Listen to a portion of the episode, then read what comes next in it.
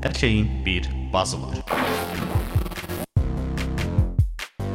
Biri sözbaz, biri qumarbaz, biri nağılbaz. Axşamınız xeyir olsun, əziz gənclərin səsi dinləyənləri. O isə texnologiya ilə maraqlananların bazıdır. Beləliklə studiyada mən, Böyük Vahid, Hər həftənin cümə axşamı texnologiya ilə maraqlananlar üçün Vahid Qasımovun təqdimatında Bas.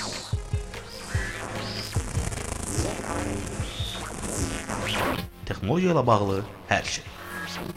Texnobazda. Salam. Hər vaxtınız xeyir olsun əziz gənclərin səsi dinləyənləri. Təqvimdə cümə axşamı saatda 21:15 göstər görürsənizsə, elə bu kifayətdir ki, yada salasınız ki, Gənclərin Səsi radiosunun efirində Texnobaz verilişi başlayır. İşlərinizi kənara buraxıb bizi dinlədiyinizə görə təşəkkürlərimizi bildiririk. Bizi ilk dəfə dinləyənlərin nəzərinə çatdırmaq istəyirəm ki, Gənclərin Səsi radiosunda F deməli Texnobaz verilişi texnologiya dünyasına marağı olanlara, dünyadakı və Azərbaycandakı texnologiya yenilikləri haqqında sürpriz qonaqlarla, sürpriz mövzularda söhbətlər təqdim edir və aktiv dinləyicilərə bugünkü verilişdən etibarən sürpriz hədiyyələr təqdim edən sürpriz bir verilişdir. Onu da qeyd edim ki, baharın ilk verilişi olan Texnobas artıq 21-ci dəfə efirdədir. Əvvəlki verilişlərimizə qulaq asa bilməmisinizsə, Texnobazın arxivini ə, Gənclərin Səsi GSR.fm saytında tapıb dinləyə bilərsiniz. Sürpriz ə, olmayıb, gözəl bir ənənəyə çevrilmiş həftənin texno xəbərlərini nəzər, nəzərinə çatdırmaq istəyirəm. Bu həftə 1877-ci ildə Amerikalı Emil Berliner ilk mikrofonu icad etdi. Yəni ki, hal-hazırda onun icadı olmasaydı siz bu verilişə qulaq asa bilməzdiniz. 1924-cü ildə IBM korporasiyası rəsmi olaraq təsis olunub. Təbrik edirəm. 1983-cü ildə İngiltərədə Sony, Philips və Polygram şirkətləri CD, kompakt disk texnologiyasını təqdim ediblər 83-cü ildə və nəhayət 1997-ci ildə İngiltərənin kraliçası Yelizaveta ilk dəfə olaraq internet şəbəkəsinə daxil olub.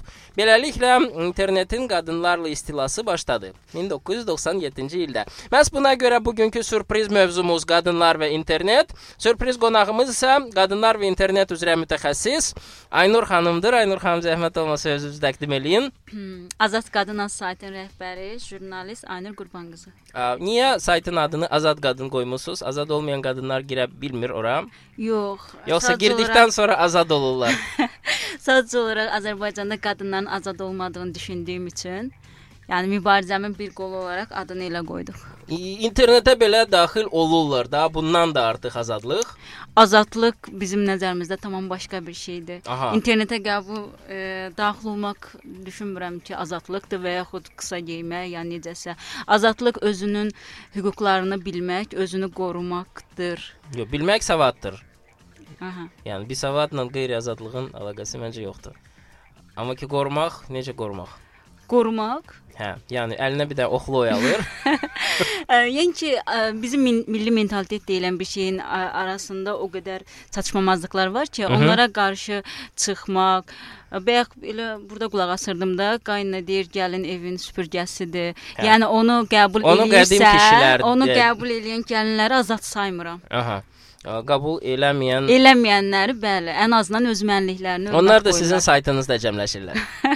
bizim saytımızda hamı cəmləşir. Ay xanım, deyin görək, ə, internet istifadəçilərinin neçə faizi təxminən qadınlar təşkil edir Azərbaycanda?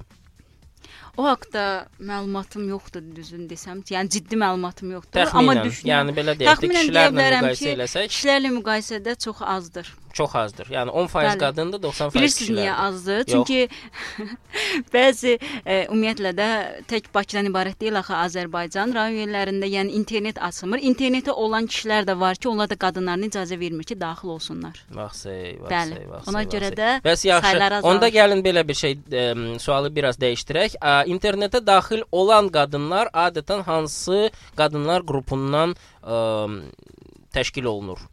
Yəni bunlar işləyən qadınlardır, yoxsa bunlar ə, nə bilim, ə, kişisiz qadınlardır, hansılar ki özlərinə özləri internet alırlar və heç kimdən azaddılar.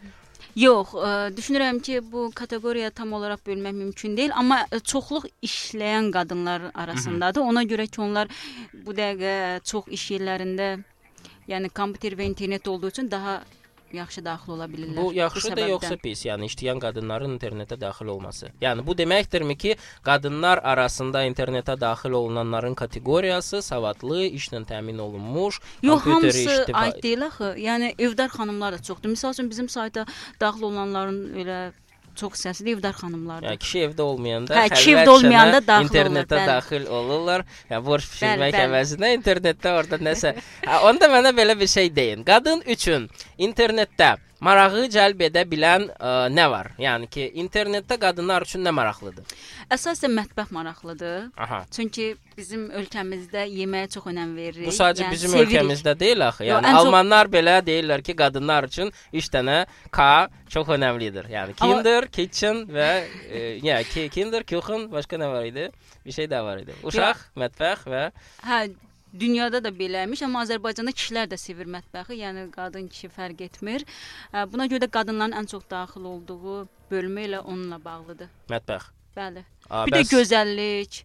Bəs uşaqla əlaqədar. Uşaqla əlaqədar deyim ki, xəbərlər qoyuruq, baxış sayı az olur. Yəni o qədər də yüksək göstərmir. Aha, yəni ki, uşağı olan xanımın internetə daxil olma vaxtı Deyəsən azdır. çox hə? güclü bir şəkildə ə, azalır, çünki uşaq imkan vermir. Bəli. Tak. Deməli, əgər mən populyar bir internet sayt qadınlar üçün açmaq istəyirəm, mətbəxlə əlaqədar bir sayt. Hə, açmalıyam. sirlərimizə uğramaq O, Yox, istəyirsiniz. xeyr, xeyr. Mən sadəcə auditoriyanı nəzərə alaraq ə, onlara yol göstərmək istəyirəm ki, ə, necə özünü aparmaq lazımdır ki, yeni şeylər, Bizim, yeni ə, saytlar Aha, bizim xanımlar amma hər tərəfli olmağı xoşlayırlar. Ona görə deyə bilmərəm ki, mətbəx saytları var ki, onlara yəni kütləvi şəkildə daxil o olunmur. Çünki gərək o saytda hər sahədə yazı ola. Məsələn, gözəllik sirləri, mətbəx. Um, siz özünüz öz saytınızdan başqa hansı saytlara daxil olursunuz?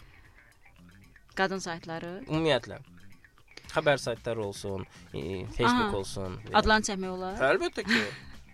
Demək, ə, işimlə əlaqədar olaraq qeyd edim ki, çox sayta daxil ola bilmirəm, amma ki, təbii ki, xəbər portallarını xüsusi izləyirəm. Bununla bağlı gündəlik daxil olduğum publika azdır, lent azdır, milli azdır. Bunlar xəbər Hə, saytlarıdır. Aha, xəbər Aha. saytları. Xəbər oxuyursunuz sonra.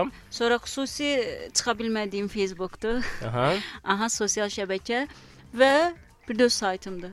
Məsələn, Belə başqa saytlara bəs maraqlarla əlaqədar, yəni e, həqiqətən də elə bir bölmə sizi maraqlandıran yoxdurmu ki, onu öz saytınızda əhatə eləmirsiniz və ümumiyyətlə öz saytınızda özünüz xəbərlər yazırsınız, e, öz yazdığınız xəbərləri özünüzün oxuma. Xarici qədər- saytlara daxil olam, xüsusən türk saytlarına Aha. daxil olam o dili bildiyim üçün. Amma Azərbaycanda nə bilim, elə diqqətimi çəkən sayt yoxdur ki, mən mütləq şəkildə ora daxil olum. Aha.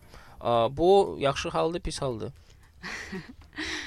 Ə, Yəni olmadığına Suala- görə saytınızın rəqabəti ki, yoxdur deyirsiniz. Bu yaxşıdır. pisləmək istəmirəm Amma ki- hı -hı. E, Yox, yəni ki, biraz e, belə deyək də ədalətli olmaq yaxşıdır. Məsələn. Ola bilsin ki, mənim zamanım yoxdur ki, araşdıram hansı. Bilirsiz də əyləncə saytları çoxdur. Hı -hı. Mən mövzum deyil, nə də diqqətimdə deyil ki, əyləncə saytlarına daxil olum, ya musiqi ilə bağlı saytlara daxil olum.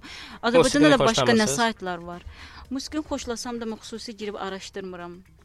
Hı hı. Ümumiyyətlə Azərbaycanda baş nə saytlar var ki, başqa bir əyləncə kateqoriyası olur, qadın olur, bir də ə, çoxsu da xəbər portallarında. Başqa nə var Biz ki? elə xüsusi? sizi ona görə dəvət eləmişik ki, yəni siz interneti ə, ələ-vələ eləyib qadınlar üçün ən maraqlı məsələləri tapıb onları sayta yerləşdirənsiniz. Ona görə də yəni yerli bazardan ən azından xəbəriniz olmalıdır. Yo, o mən də demirəm. Yəni sizin diqqətinizə çatdırmaq istəyirəm ki, xüsusi maraq kəsb edən saytlar yoxdur ki, sonra hər gün daxil ola. Aydındır. Bir dənə də sual bununla əlaqədar.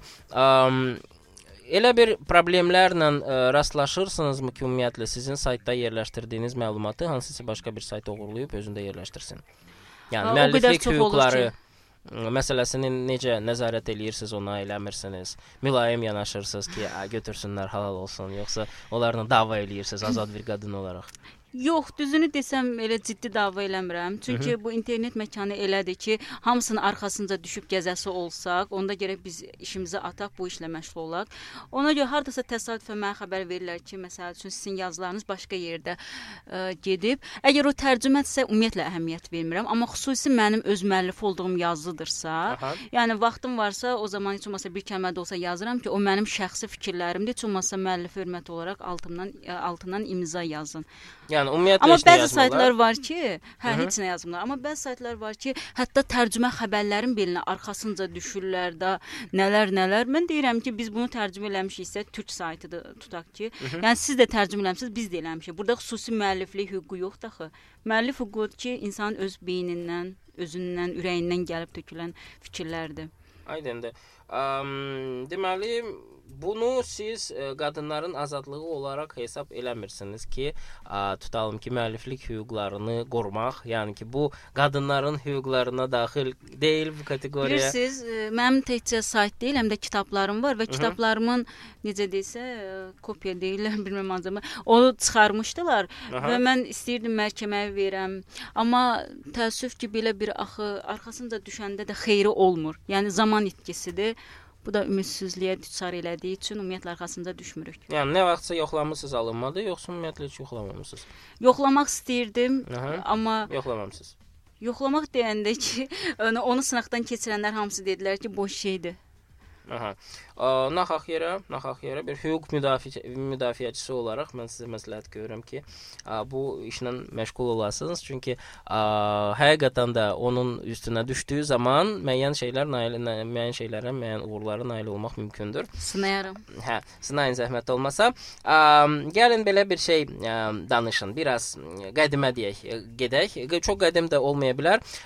Saytınız artıq neçə ildir fəaliyyət göstərir? 2 ildir. 2 il. Necə elə bir fikrə gəlib düşmüsünüz ki, mən bir qadın saytı açacağam və onu idarə eləyəcəm. yazı pozmağı sevən bir adam kimi ondan Aha. öncə başqa qadın saytlarında, ümumiyyətlə də müxtəlif saytlarda xəbərlər hazırlayıb verirdim, amma təbii ki, insan özünə aid olmadığı bir yer olanda siz başlayırsınız gözləmək ki, mənim xəbərim nə var aktiv olacaq və yaxud hansısa hörmətsizliyi Hı -hı. görürsən və düşündüm ki, əgər məndə bu potensial varsa, ümumiyyətlə özüm açım. Həm də ki, mənim saytım düşünürəm ki, Azərbaycanda heç bir analoqu sayt... olmayan bir saytdır. Hə, elə düşünürəm. Çünki bilirsiniz hansı sahədən yanaşıram? Yəni sırf qadın problemləri ilə bağlı olaraq hansı qadın saytında belə bir yazılar mütəmadi dərc olunur. Yəni qadın saytları adətən gözəllik, mətbəx və bu tempdə gedir. Bizdə isə hər tərəflidir. Yəni o baxımdan deyirəm və ə, e, bu istəklərimi də həyata keçirmək üçün sayt açdım və çox uğurlu oldu. Bu gücü hardan tapırsınız? Yəni ki, yəqin ki, başqa yerdə işləyirsiniz, müəyyən işləriniz var. Ondan sonra ev işləri mövcuddur əlbəttə ki. Bunları bunların bunlarla birlikdə hələ saytı da idarə eləmək e, çətin gəlmir. Qadının gücünü siz kişilər qəbul eləməsəniz də, qadın çox Yox, güclüdür. Qadınlar gücünü yəni, göstərsə, kişilər... kişilər onu görsə, niyə qəbul eləməsin? Hə göstəririk də. Yəni yenə də ə, əksəriyyət Azərbaycan kişiləri qəbul etmir, deyil, düşünürlər ki, onların yeri ancaq mətbəxdir. Amma mən fikirləşirəm ki, internetdir də. hər bir qadın qarşısına məqsəd qoyarsa, Hı -hı. yəni daha işini uğurlu şəkildə həyata keçirə bilər. O cümlədən mən də. Kimsə kömək eləyir sizdə bu sayt işində? İlk, yəni müəyyən bir komanda var, yoxsa tək başlamışdınız? Bilirsiniz, ilk başdan başlayanda təbii ki, tək başına idim, amma ə, zaman keçdikcə sayta daxil olan xanımlar var ki, onların da həvəsində olur və hal-hazırda əlbəttə ki, xəbərlərin çoxu o həvəskar xanımlar tərəfindən tərcümə olunub göndərilir, özləri Hı? tərəfindən yazılır və biz bir komanda şəklində çalışırıq. Ümumiyyətlə neçə nəfər yazır sizin saytınızda aktiv olaraq? Aktiv olaraq təxminən deyə bilərəm ki, 7-8 nəfərdir. Aha. Aha. Və bizim saytda redaktorlar da var. Məsəl üçün Şeyx, Banu, indikində qeydiyyata keçir və ə, e, ən qəribəsi də odur ki, onlar evdar xanımlardır. Aha. Yetkin yaşdadır və onlar özlərini çox xoşbəxt sayırlar ki, biz təhsil alıblar, amma işləməyiblər heç vaxt və bu gün burada özlərini təsdiqləyirlər. Həqiqətən də yazılarına, onların fəaliyyətinə baxanda təsəvvür elə bir neçə ildir bu ə, jurnalistika sahəsində çalışan bir insanlardır. Yəni onlar Yazı Burada... pozu ümumiyyətlə təhsil işi deyil, bu könül işidir. Adam bunu ya bacarır, Aha. ya bacarmır. Bəzilərinin əlindən gəlir, necə deyirlər, əli qələm tutur. Ə, Ona görə də bu onların məhz onların işidir. Amma bir məsələni də qeyd edim ki, o mən yaralı yerimdə o baxımdan ki, bizdə maliyyə dəstəyi yoxdur. Aha. Bəzi saytlara bu olunur və düşünürəm ki, əgər bizim maliyyə dəstəyimiz olsaydı, biz ə, könüllü yox, könüllü olanda tutaq ki, mən hər hansı bir xanıma xüsusi tapşırıq verə bilmərəm ki, get filan ə, küçədə filan qadının taleyindən yaz gətir. Ona haqqım yoxdur. Ya özüm etməliyəm, ya da ki, etməməliyəm ümumiyyətlə. Amma maliyyə dəstəyi olsaydı biz misal üçün xüsusi maaşlar ayırardıq bu sahədə olan mütəxəssislər üçün və mən düşünürəm ki, bizim çox gözəl uğurlu layihələrimiz ola bilərdi. Daha çox inkişaf eləyə bilərdik. İnşallah, ki, inşallah ki- olacaq da. Yəni ki, maliyyə dəstəyi hardansa hansısa şəxsdən alıb ə, necə deyirlər, həmin şəxsdə şəxsə daha sonra müəyyən bir ə, minnətdarlıq hissləri və ya ona bağlı olmaqdansa, ə, yəni ki, öz axarı ilə müəyyən şəkildə ə, necə deyirlər, inkişaf etmək daha ə, maraqlıdır və daha sərfəlidir. Belə ki, əgər layihə ə, uğurludur, əgər layihə ziyarət olunursa, layihəyə qarşı olan maraq da yavaş-yavaş artır. Onu saytlardakı ə, reklamlardan da hal-hazırda müşahidə eləyirik. Ə, ona görə mən birinci növbədə arzu edirəm ki, sayt inkişaf etməyə davam eləsin, çünki internet layihələrində əsas məsələ davamlılıqdır. Əgər davamlılıq varsa, layihənin ə, layihə uğurlu olacaqdır. Siz hal-hazırda hesab edirsinizmi ki, həmin 7-8 bəlkə 10 nəfərlik komanda yetərlidir və ümumiyyətlə hesab edirsinizmi ki, hal-hazırda saytınız ideal vəziyyətdədir, yoxsa imkanınız olsaydı nələr dəyişərdiniz? Yox, yox, ideal vəziyyətdə hesab eləmirəm. Düzdür, daxil olma sayına görə Azərbaycanda, yəni qadın saytları arasında demək 2 yerdən birini tutub da, yəni liderdir. Amma ki ideal hesab eləmirəm. Çünki düşünürəm ki, texniki baxımdan da onun üzərində ciddi əl gəzdirilməlidir və bu da maliyyə vəsaiti tələb etdiyi üçün biraz gecikir, amma tezliklə olacaqdır. Və bir də bayaq qeyd etdiyim kimi, yəni bir sıra layihələr var ki, tək başına olduğumuz üçün, yəni bunun arxasınca hamısını çatdırmaq mümkün olmur. Bəli. Amma çatdırmaq mümkün olsaydı, məsəl üçün məşhur xanımların ailə həyatı ilə bağlı onlardan xüsusi müsahibə almaq olardı. Aha. Yəni bir sıra uğurlu iş qadınlarının uğur hekayələrini yazmaq istəyərdim. Bəs yaxşı kişilərdən müsahibə götürmək istəməzsiniz ki, onlar tutalım ki, qadınları necə görürlər. Ondan sonra məsələn deyəlim ki, uzun müddət ərzində eyni xanımla məsələn yaşayan bir kişidən müsahibə, məsələn Hə. 80 il, 90 il eyni xanıma necə səbr eləyir məsəl üçün. Hə. Doğrudan onu da istəmişəm. Yəni bizdə kişilər bölməsi də var. Mhm. Ə, O mövzuda da düşünmüşəm. Kişilər deyəndə xanımlar üçün kişilər bölməsi, yoxsa kişilər də sizin saytınıza Yox, daxil kişilər olur? ki, mən ümumiyyətlə həmişə demişəm ki, qadınlar olan bu xüsusən də problemlərdən, sosial mövzudan bəhs ediriksə, Mhm. orada kişilər də olmalıdır. Yəni biz 10 nəfər qadını yığaq bir yerə və o ki var dan danışaq ki, bu problemdir, filandır. Axı bizim problemlərin başında kişilər durur. Yəni Aha. qadın problemlərinin başında kişilər durur. Əgər kişiləri maarifləndirmiriksə, bizim öz-özümüzə danışmağımızın nəticəsi nə olacaq? Onda bir dənə kişi saytı açsaydınız, amma mən saytın başı kişilər ora daxil olardı və siz də yavaş-yavaş başlarını Ona bişirərdiniz. görə də saytı yaradanda onun şüarı belə idi ki, kişilərin də dəvətli olduğu yeganə qadın saytı. Yəni daim olaraq onlar da dəvət edirik ki, bizimlə birlikdə olun və həqiqətən də kişilər var saytda. Ha ha, neçə nəfərdir? Onlar da 7-8 nəfər yoxsa? Belə yəni yüksək statuslu da demək olar ki, hər gün daxil olan, belə səbirlə şərh yazan, xəbər yazan bir 10 nəfərə yaxın kişi var, amma Aha. Onlar status agentdir. almayan da çox sayda kişilər var. Hətta bir Sayta kişi daxil olurlar ki, bilsinlər Azərbaycan qadınları nələr fikirləşirlər ümumiyyətlə. Hətta bir dənə kişi var ki, orada 2 ildir sadiq nümayəndəsidir və o yoldaşını qoymur saytda. Bütün gün özü saytdadır. Həmişə məni təəccübləndirir. Deyirəm, onunla çox belə döyüşürük. Niyə? Yəni yoldaşın da gəməlidir, amma o da qeyd edir ki, onun həvəsi yoxdur internetə daxil olmağa. Yəni belə də olur. yox, yəqin ki, həvəsi yoxdursa yoxdur da, zorla deyil ki. Hə. Bu qadınların Yəni yoldaşı düşmə- qadın saytındadır, amma özü yoxdur. E, bəlkə yoldaşı da kişi saytına daxil olur və kişisindən xəbərsiz yazır. Am, Aynur xanım, a, biz bir balaca, bir balaca nəfəs alaq. Hə, Musiqi qula dinləyək. Ondan sonra gözəl bir ə, sürpriz verəcəm mən dinləyicilərimizə və söhbətimizə davam que han caído los esquemas de mi vida. Ahora que todo era perfecto. Y algo más que eso, me sorbiste el seso y me desciende el peso.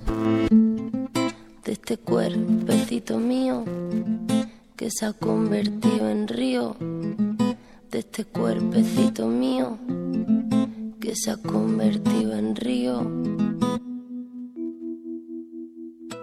La flor que crece en mí y volver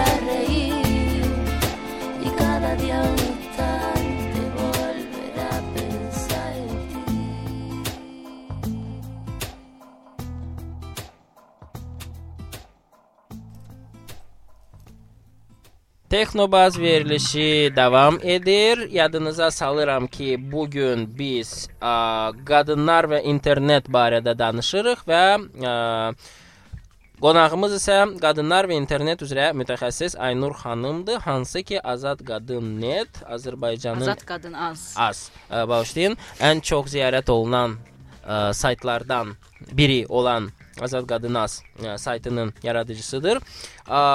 Və bu gün biz bir sürpriz ə, sözü vermişdik. Sürpriz ondan ibarətdir ki, mövzu ilə bağlı qonağımızın bəyəndiyi ən maraqlı sual müəllifinə hansını ki Facebook səhifəmizdə göndərmək mümkündür.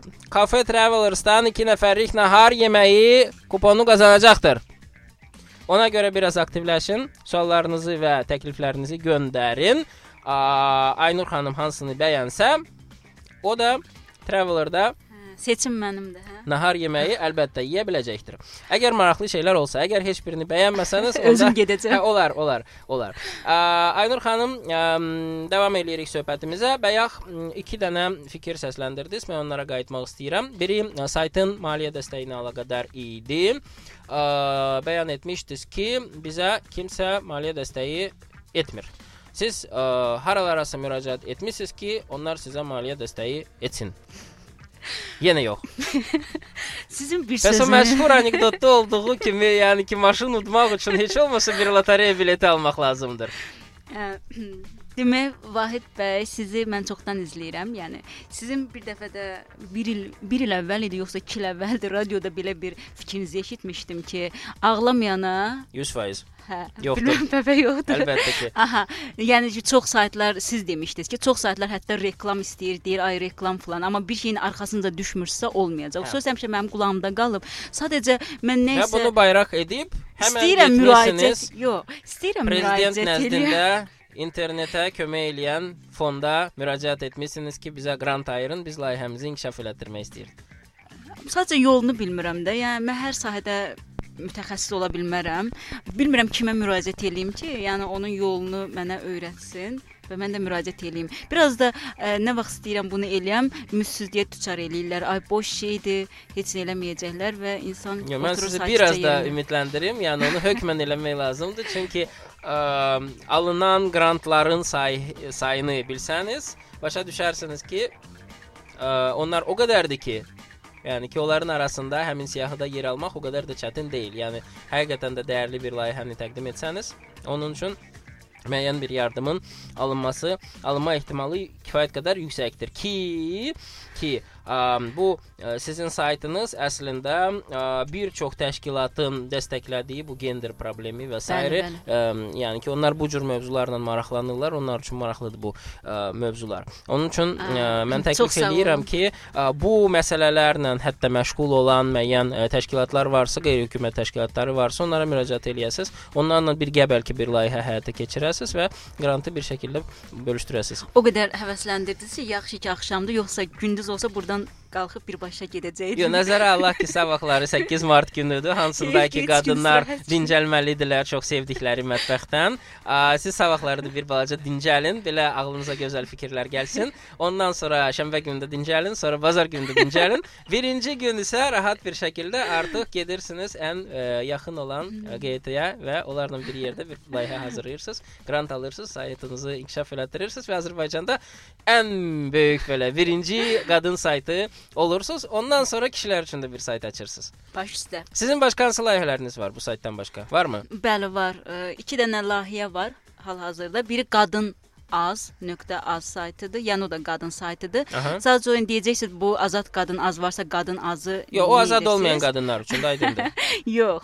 Sadəcə olaraq mən istəyirəm ki, Azad Qadın Az saytını sosial xəbər, qadın xəbər portalı edim. Aha. Çünki Azərbaycanda qadın xəbər portalı yoxdur. Yəni sırf qadın xəbərləri və sosial yöndə. O qədər xəbər varmı ki, qadınlarla Mən əlaqədar? taparam xəbəri. Yəni çoxdur. Hə, yəni filan kişi olaraq- arvadını bıçaqladı. Yəni gündə Bəli, bəli. kriminal xəbərlərdə Tək kriminal yox, hər baxımdan bunu etmək olar.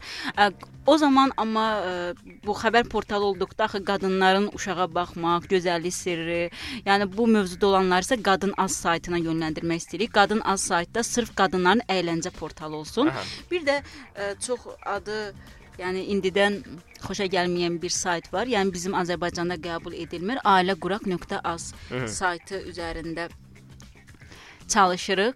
Və düşünürəm ki, məsələn, qonşu ölkədə, Türkiyədə çoxsaylı evlilik saytları mövcuddur. Həs hətta İslami baxımdan da buna düzgün yanaşma var və düşünürəm niyə Azərbaycanda olmasın. Aha, olsunmu? Bəli, olsun. Nə vaxt olacaq? Tezliklə. Tezliklə, az sonra.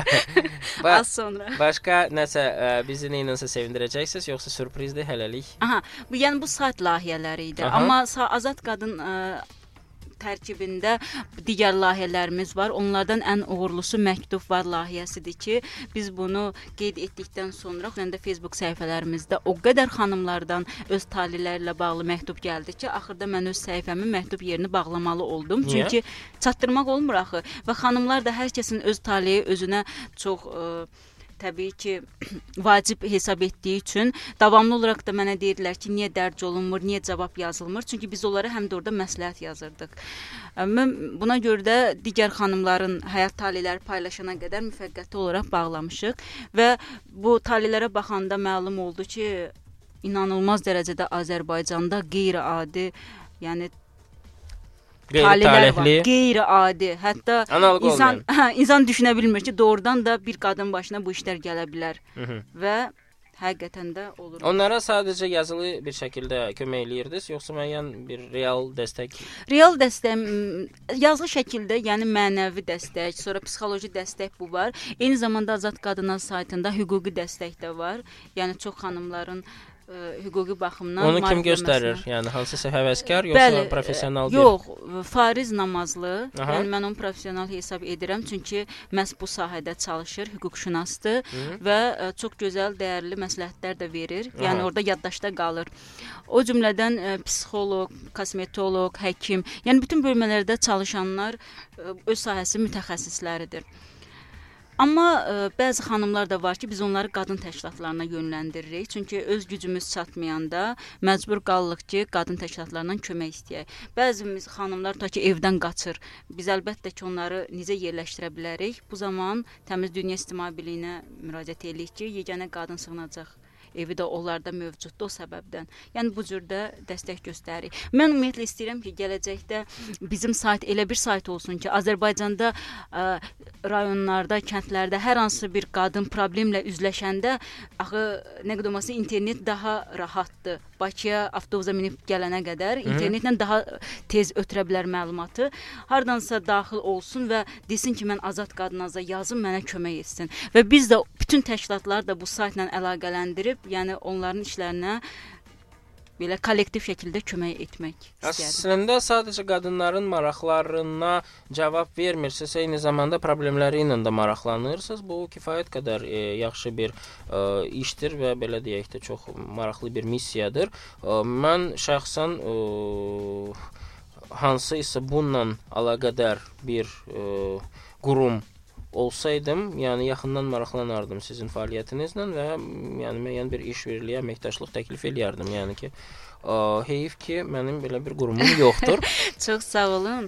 Yəni elə xanımlar var ki, xüsusi yazırlar ki, Aynur xanım, sizdən sadəcə məsləhət alaq. Yəni heç paylaşmayın, amma ə, məsləhət alaq. Bu bilirsiniz nəyə bənzəyir?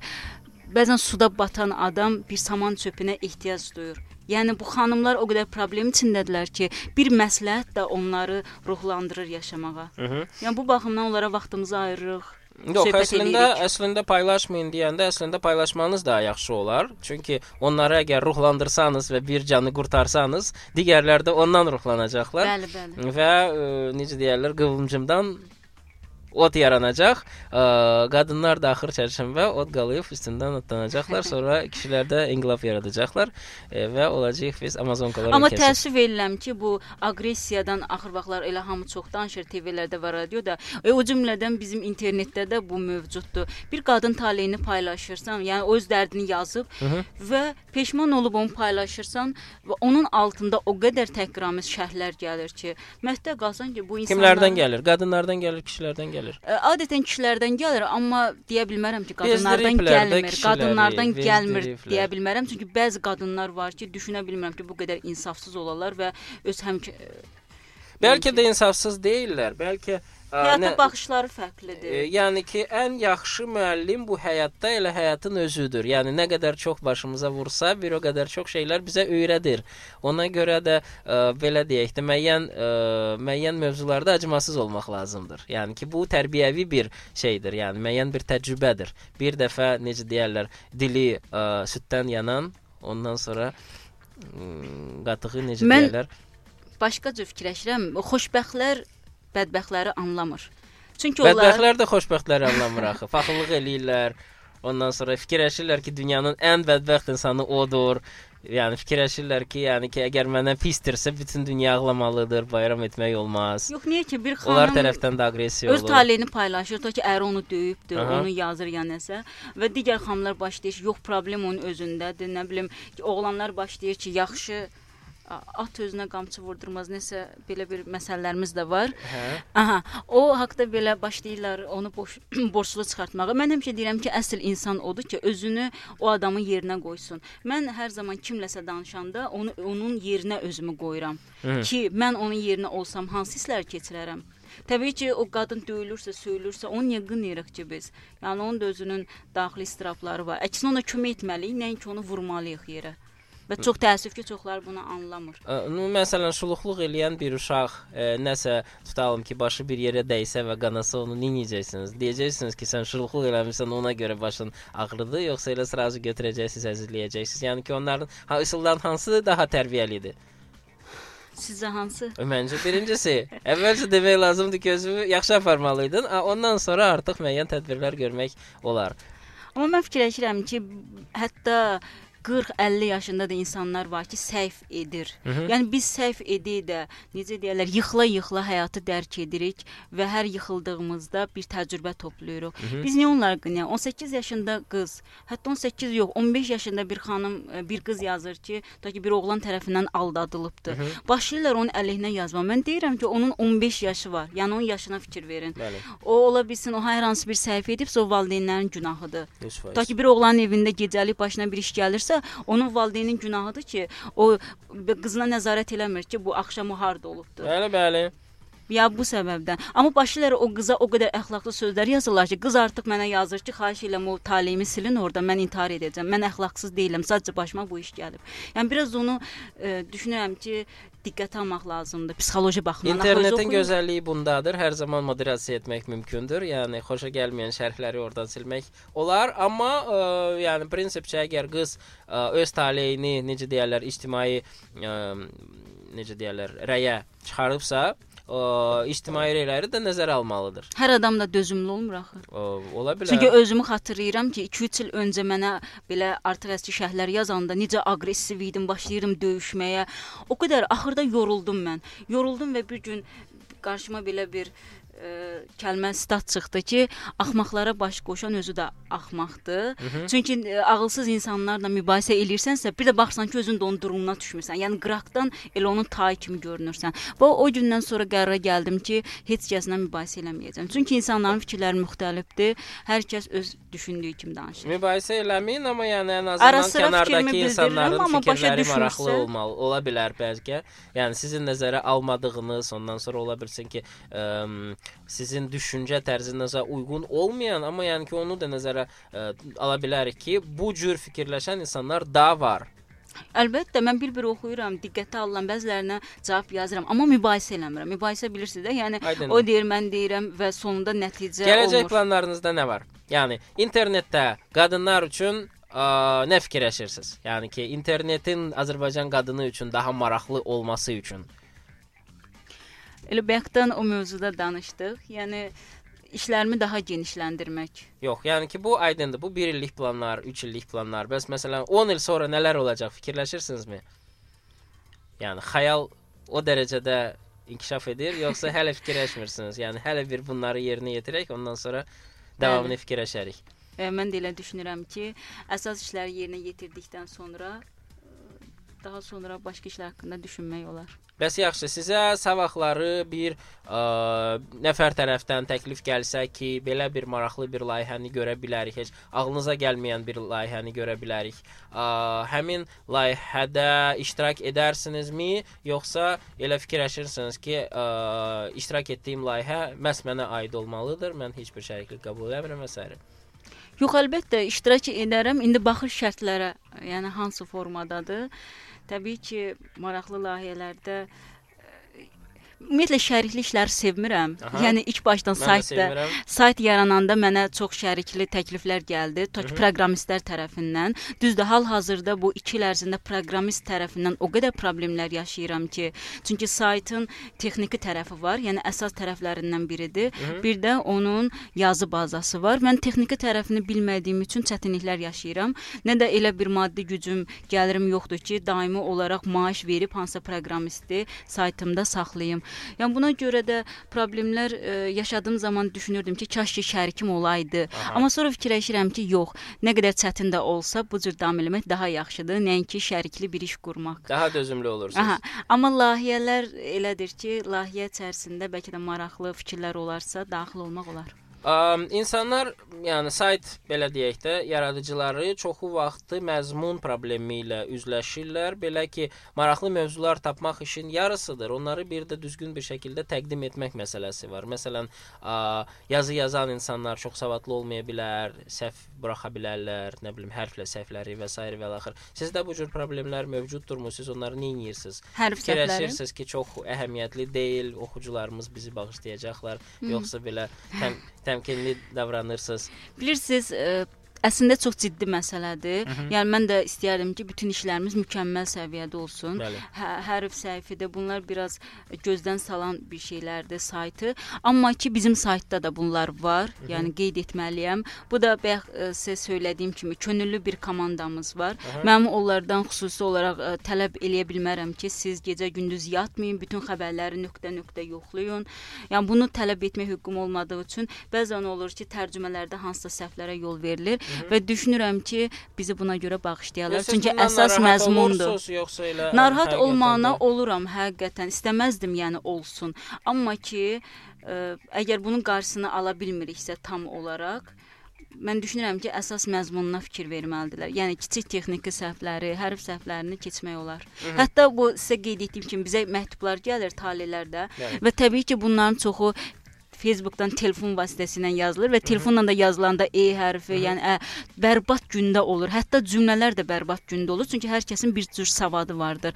Mən əvvəl bir də ki, insan necə deyərlər, ə, çox həyəcanlı olduğu zaman, problemli bəli, olduğu bəli. zaman elbə qrammatik şeylərə diqqət eləməz. həddindən artıq bərbad gündə olur və mən bunları bir-bir üstündə işləyib qoyurdum əvvəlcə sayta və sonra bu mənim həddindən artıq zamanımı alırdı, çatdıra bilmirdim. Ondan sonra belə qərara gəldik ki, ə, demək onu elə olduğu kimi qoyaq və burada sirr açım ki, biz onun başına yazırıq ki, güya ki biz onun orijinalını qorumaq üçün edirik, amma əslində gücümüz yetmədiyi üçün Aha. başdan belə bir cümlə qoyuruq ki, bu məktubun orijinalını qorumaq üçün olduğu kimi təqdim eləyirik. Prinsipcə Hə. ola bilsin ki, bu düzdür. Belə də Çünki- düzdür, təbii ki, amma biz əsas ə, əlimizdə imkan Yəni olsaydı, istər smaylar olsun, istər də ki, yazma qaydası, onlar bir balaca ə, mətni ə, ruhlandırır. Yəni ki, yazanın eyni zamanda hal-hazırda necə deyirlər, olduğu bu halını da əks elətdirir. Ə, sizdən son bir ə, belə belə deyək də, məsləhət. Yəni prinsipcə ə, mənim məqsədim ə, Azərbaycan internetinin zənginləşdirilməsidir. Yəni ki, ə, mən istərdim ki, ə, qadınlarla əlaqədar qadınlar üçün saytların sayı o qədər çox olsun ki, qadınlar bilməsinlər ki, hansını tərcih etsinlər. Yəni ki, mətbəxlə əlaqədar bölmə daha yaxşı hansı saytdadır ki, ora daxil olum. Yəni ki, ə, paxlava bişirmək istəyən xanım 5-6 dənə saytda 15 dənə paxlava resepti ilə qarşılaşsın və onların arasında artıq seçim eləsin. Ona görə də istəyirəm ki, saytların sayı çoxalsın, yeni-yeni qadın layihələri ortaya çıxsın. Bu işlə məşğul olmaq istəyən, məsəl üçün gənclərə, ola bilsin ki, bu xanımlar olsun, universitet gəncləri olsun, nə məsləhət görərdin? Nədən başlasınlar? Komanda mı qursunlar? Özünə proqramçı mı tapsınlar, yoxsa məzmunu mu araşdırsınlar, yoxsa ümumiyyətlə bazara girişməsinlər ki, rəqabət olmasın? Aha. Doğrudan düzgün qeyd etdiniz. Azərbaycanda qadın saytı olduqca azdır və demək olar ki, öndə olan bir 3-4 Qadın olmaya bilər. Ümumiyyətlə hər hansı bir qadının marağında olan şey. Ola bilsin crossword saytı olsun, ola bilsin televiziya proqramı saytı olsun. Yəni ki, qadınların mətbəxdən başqa heç mi bir e, şeyi yoxdur, Yox, axı yoxdur. qadın saytı tək mətbəxdən ibarət deyil. Əlbəttə. Yəni rəngarəngdir. Biz ümumi götürürük. Yəni qadın saytı. Ya çox azdır. Ə, İnkişaf olsa daha yaxşı olardı. A, bayaq siz mənə dediniz gələcək layihələrdən unutdum. Ə, Misal üçün çox arzu eləyərdim ki, gələcəkdə bu shopping dediyimiz ki saytlar var. Yəni ə, xaricdə artıq internet vasitəsilə xanımlar öz geyimlərini, aksesuarlarını, hər şeyi oradan alırlar və Azərbaycanda da bunun istəyərdim ki, daha mükəmməl şəkildə ifadə edən saytlar olsun bu mövzuda. Qaldı ki, məsləhət verməyimə, bəli, mənə belə müraciətlər olub ki, siz necə çətinliklərlə qarşılaşmısınız, necə olub? Mən düşünürəm ki, ilk olaraq saytın yaradılmasından başlamaq lazımdır. Aha. Təbii ki, biraz pul toplamaq və proqramistə təqdim etmək e, və onu qurmaq lazımdır. Onu qurduqdan sonra artıq ə, mövzunu seçmək lazımdır ki, hansı bölmələr olacaq, hansı xəbərlər gedəcək. Əgər bir saytın uğurlu olmasını istəyirsinizsə, sizin orada maraqlı layihələriniz olmalı ki, o digər qadın saytlarında olmasın. Ya bu Aha. çox önəmlidir. Bu yoxdursa, yəni digərinin necə desək, eynisi ilə təşkil eləyirsə, siz fərqlənə bilməyəcəksiniz. Necə ki Azərbaycanda bir sıra qadın saytları var ki, fərqlənəməyiblər. Adı var, biraz ə, fəaliyyət göstəriblər, amma həvəsdən düşüblər. Çünki insan resurs daxil olmayanda artıq həvəsdən düşürlər. Həvəsdən sala, salma şey azdır. mənim ə, biraz ə, funksiyamdır. Sizinki ruhlandırmaqdır. Siz ruhlandırın ki, həvəsdən düşməsinlər. Aha, bir də ki, e, təbii ki, reklam. Yəni reklamını düzgün qursanız, daha Aha. çox insan cəlb eləyə bilərsiniz. Amma insanı cəlb eləməklə iş bitmir. Bayaq qeyd etdiyim kimi, e, internet elə bir qorxulu bir yerdir ki, yəni onu hər dəqiqə itirmək qorxusu var. Mən saytın hər axşam gözüm onun IP adresi sayğacındadır. Demək olar ki, gündəlik olaraq onunla yaşayıram ki, baxıram bu gün nə qədər adam daxil oldu. Əgər adam sayı azalırsa, giriş sayı artıq narahat oluram ki, niyə bu gün 200 nəfər misal üçün Narahat olmayın, sabah bayramdır. Ona görə internetə daxil olanların sayı azdır. Ona görə maraqlı olmağa İnsanlar hal-hazırda alış-verişlə, gül çiçəkləri eləməklə, hədiyyələr ə, qəbul etməklə, gəzməklə, restoranda oturmaqla məşğuldur. Mən bütün qadınların bayramlarını təbrik etmək istəyirəm. Arzu etmək istəyirəm ki, qadın saytlarımız artsın, qadınların azadlıqları da artsın. Məntiqli dərəcədə hər kəsə çox gözəl, uğurlu axşamlar diləyirəm. Sağ olun. Sağ olun.